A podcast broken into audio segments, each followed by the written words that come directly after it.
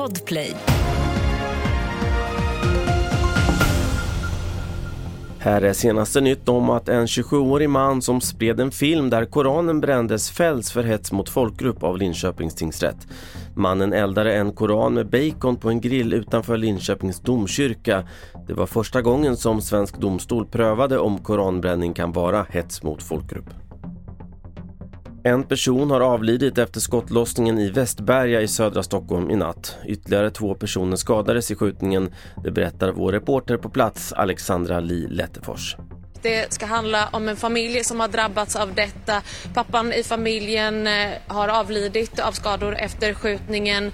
Eh, mamman fick föras till sjukhus, eh, har opererats. Vi vet ännu inte skadeläget för henne och även ett barn fick föras till sjukhus med lindriga skador och klarade sig så väl efter detta. Och ännu finns inga uppgifter om att någon gripits. Sist om att flygbolaget Norwegian har ställt in en extra flygning till Tel Aviv i Israel som skulle ha evakuerat norska medborgare senare idag.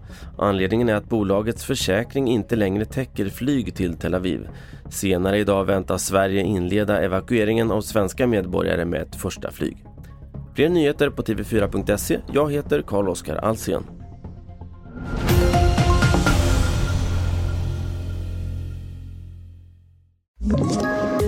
Ett poddtips från Podplay.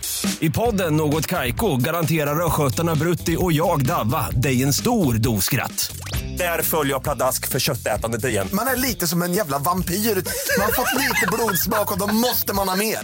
Udda spaningar, fängslande anekdoter och en och annan arg rant. Jag måste ha mitt kaffe på morgonen för annars är jag ingen trevlig människa. Då är du ingen trevlig människa, punkt. Något Kaiko, hör du på Podplay. Därför arkadeinerna.